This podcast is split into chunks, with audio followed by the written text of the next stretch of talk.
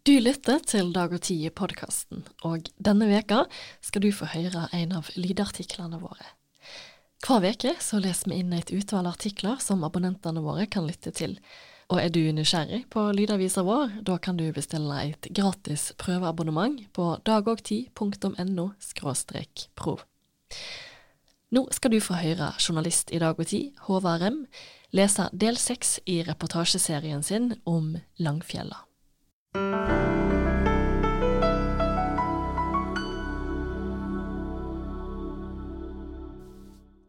Gode lytter, jeg er Håvard Rem og fer i Langfjella fra Dovre i nord til Agder i sør for å utforske livet i fjella som kløyver Sør-Norge i mål, vass og værskilje. Og her kjem del seks, Rauland. Rein i fjell og bronse. Rauland. Slekta til Johan Vaa har jakta på rein i ti generasjoner, sett bort fra far hans dyre Vaa, som fanga rein i kjente bronseskulpturer.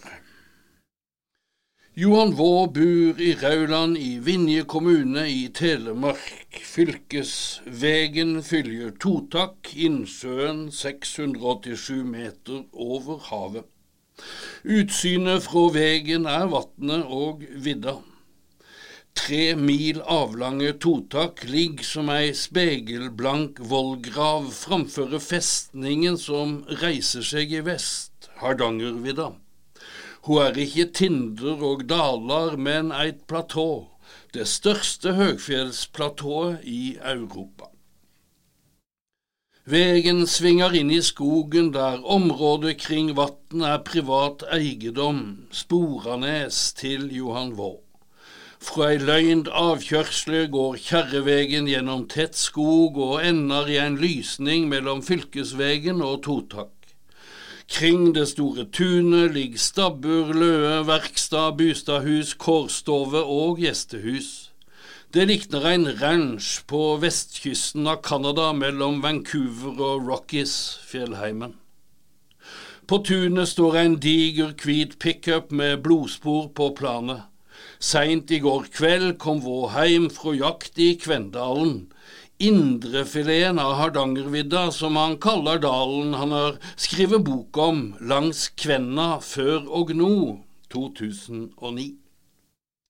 I fjellet handler det om dyr, ville og tamme. I ett ledd har våane våre jegere, men cowboyer òg, driftekarar som det heiter, vå fortell. Farfar Thor og oldefar Ånon var driftekarer og krøtterhandlere. Thor var av de siste representantene for driftebruket. Om våren kjøpte de opp fe som de hadde på beite i fjellet om sumaren. Om hausten dreiv de slaktefe ned mot marknaden i Skien. De som var flinke i næringa, kunne gjøre det godt. Oldefar Ånon hadde åtte søsken å løse ut, men da han døde, åtte han heimgarden og to gardar til. Auga til et digert hjortedyr ser på oss. Hovedet ligger i graset ved sida av garasjen. Vår fortell. Elgjakta har kommet i tillegg til reinsjakta. Det vert mer elg i varmere tider. Oldefar min og farfar min jakta ikke på elg, men på rein. Og far din, spør jeg. Vår svarer nei, han jakta ikke. Jeg vart opplært av en fetter. Jeg skjøt første reinen min da jeg var 18 år gammel i 1963, og det var utenom jakttid. Skikken var at en tok dyra når de var her, ikke når kalenderen mente det var lovleg. Sa rykta at det var dyr i fjellet, ja, da let en turrhøy være turrhøy og drog på jakt i staden.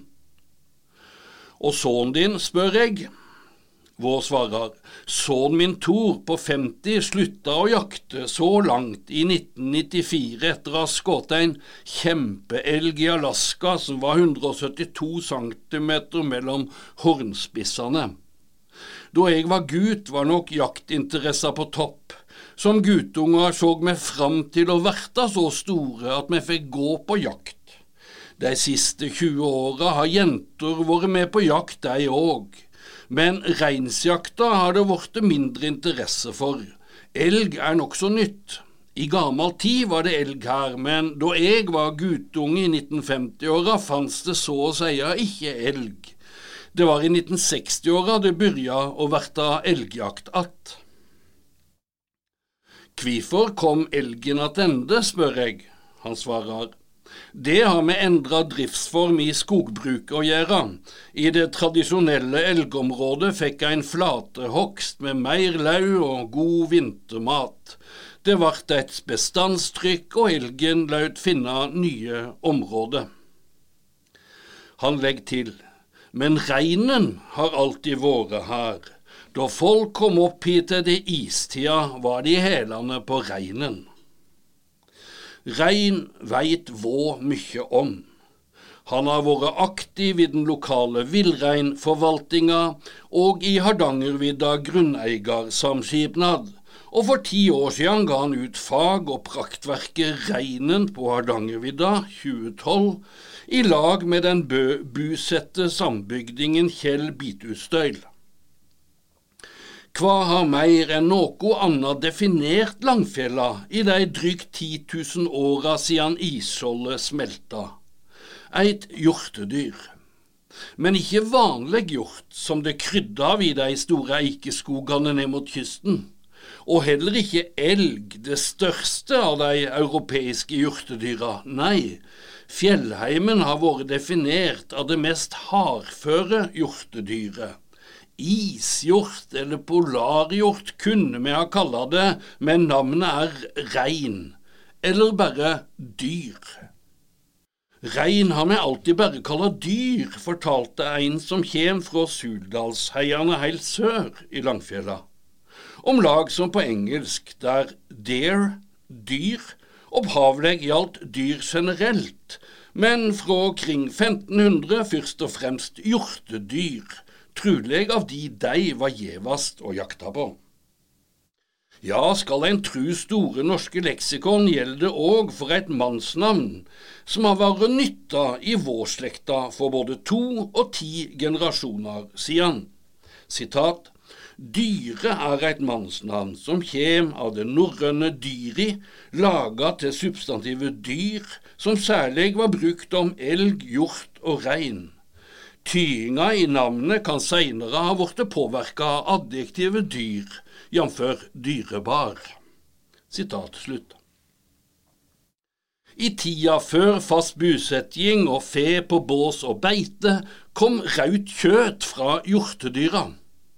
I de kalde fjella kom kjøttet fra reinen, der ikke bare hanndyra har gevir, men som eneste hjortedyr hodyra òg. Slik sett likna simlene på de hardføre kvinnene i de samme nordlige områdene. Har det alltid vært bare villrein på Hardangervidda, spør jeg. Vå svarer å nei, sist på 1700-tallet begynte en for første gang med tamreindrift her. Det svinga over tid, med stort omfang fra slutten av 1800-tallet til et stykke ut på 1900-tallet. Hvem setter i gang grunneiere som du, spør jeg. Vår svarer. Grunneiere og andre ressurspersoner dreiv da med leigebeite. Bestefar Thor var med i ei tamreinlag. Han dreiv ellers stort med støling i Bitdalen og solgte seg ut av tamreinlaget. Da andre i tamreinlaget nytta taket på ei av stølshyttene hans som ved til eit bål, da spurte han om erstatning, men fikk svaret du kan suga ei simle. Vå knegjar. Mellom de som dreiv med støling og tamrein, var det mer vondt ord enn vondt blod. Når tok tamreindrifta slutt, spør jeg. Han svarer. Den siste tamreinflokken på Hardangervidda var slakta i 1959. Det siste laget som ble avvikla, var Tamreinlaget i Uvdal.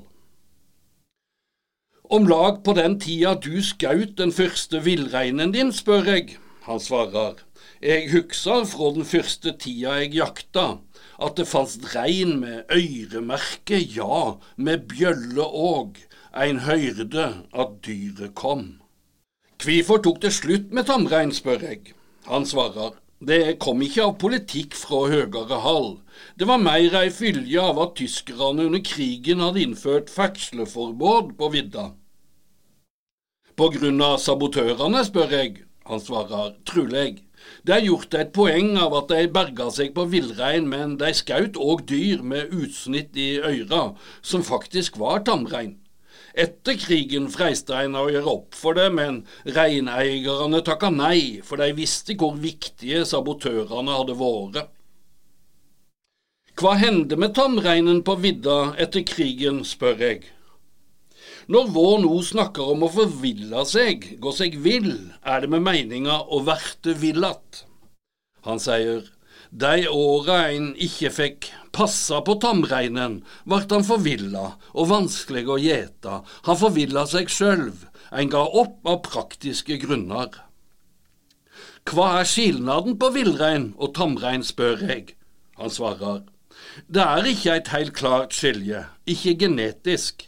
Den moderne villreinen på Hardangervidda har 70% tamreingen pga. innføring av tamrein gjennom 150 år, pga. rømming og frislepp, i mange generasjoner situi domestiseringa. Hvordan merker du det, spør jeg. Han svarer. Moderne villreinstammer som har opphav i frislepp tamrein, er mye spakere enn villreinstammer som ikke har det. Det gjelder om han ble frislept for 50 år siden òg. Jeg har snakka med folk som har jakta på villrein i Norefjell.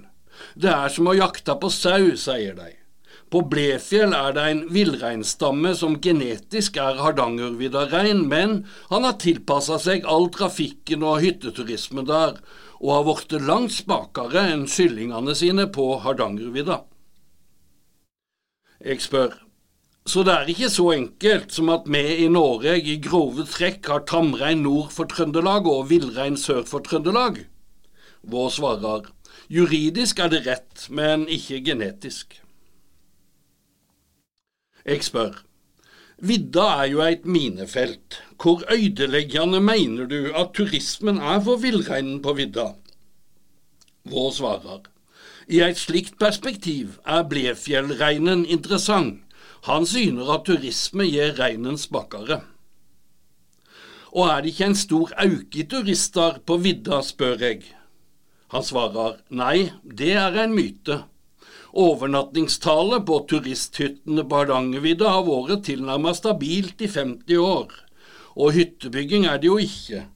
Et visst innsig av skiturister er det, men stort sett holder de seg i alpinbakkene og i oppkjørte løyper. Det vært i liten mon køyrd opp løyper i villreinområdet. Han legger til.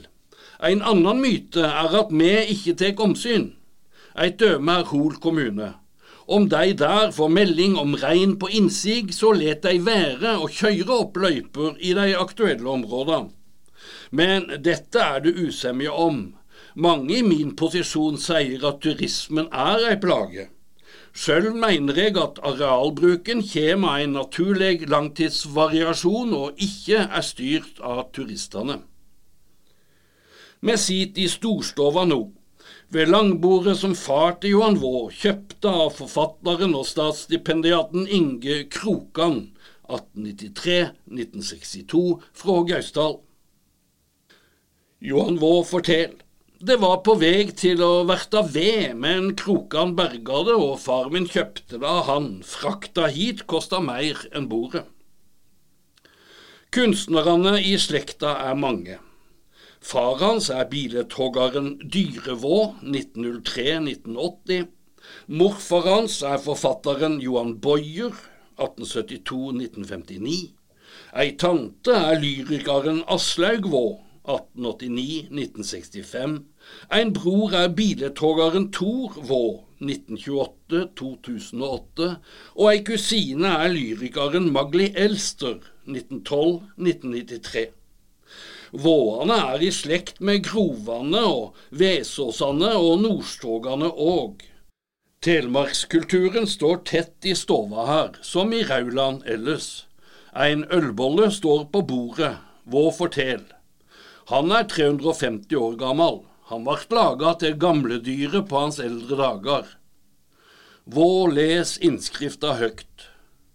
Noah var en gammel gut, patriarken gamle. Den tid da han drakk denne ut, da begynte han at famle. Sjølv er Vå 77 år og held seg like sprek som forfaren Dyre Vå, som vart nær 100 år gammel, født kring 1585, død i 1682. Vå fortell. Han held til i Vå, lenger inn i totak. Vå peikar ut på vatnet.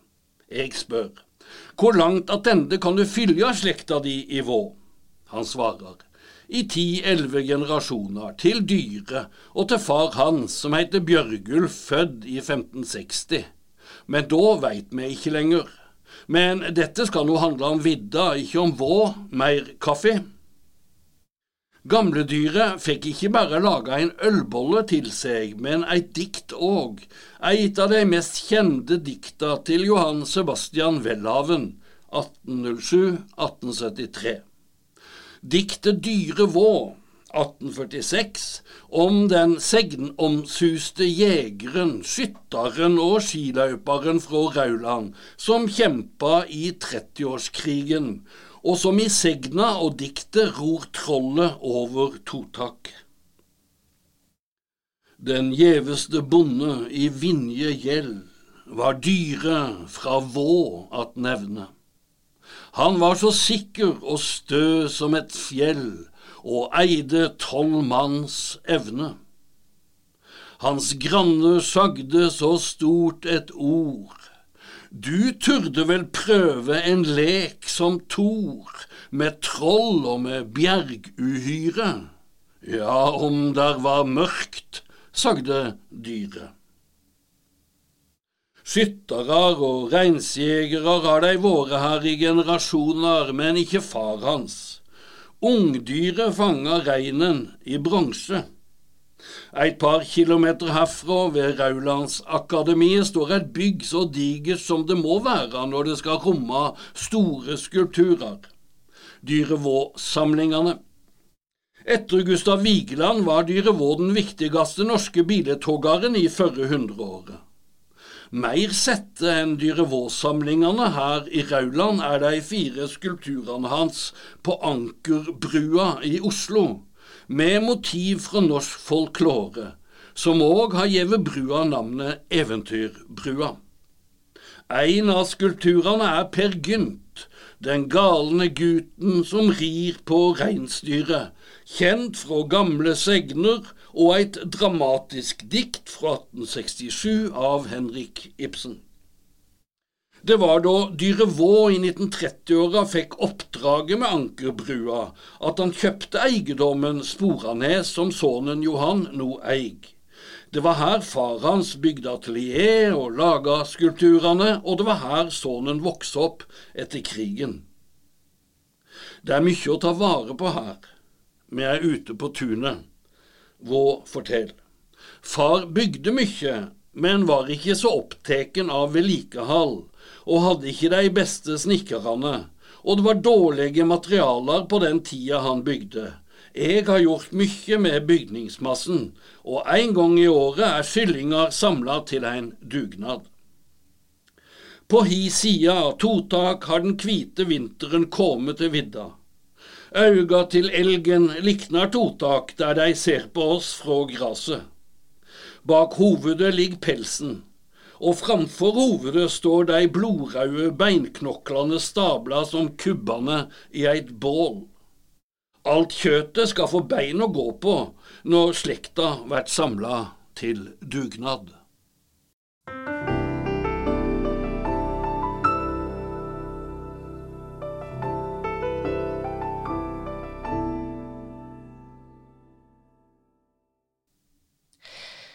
Du hørte nettopp en av lydartiklene våre.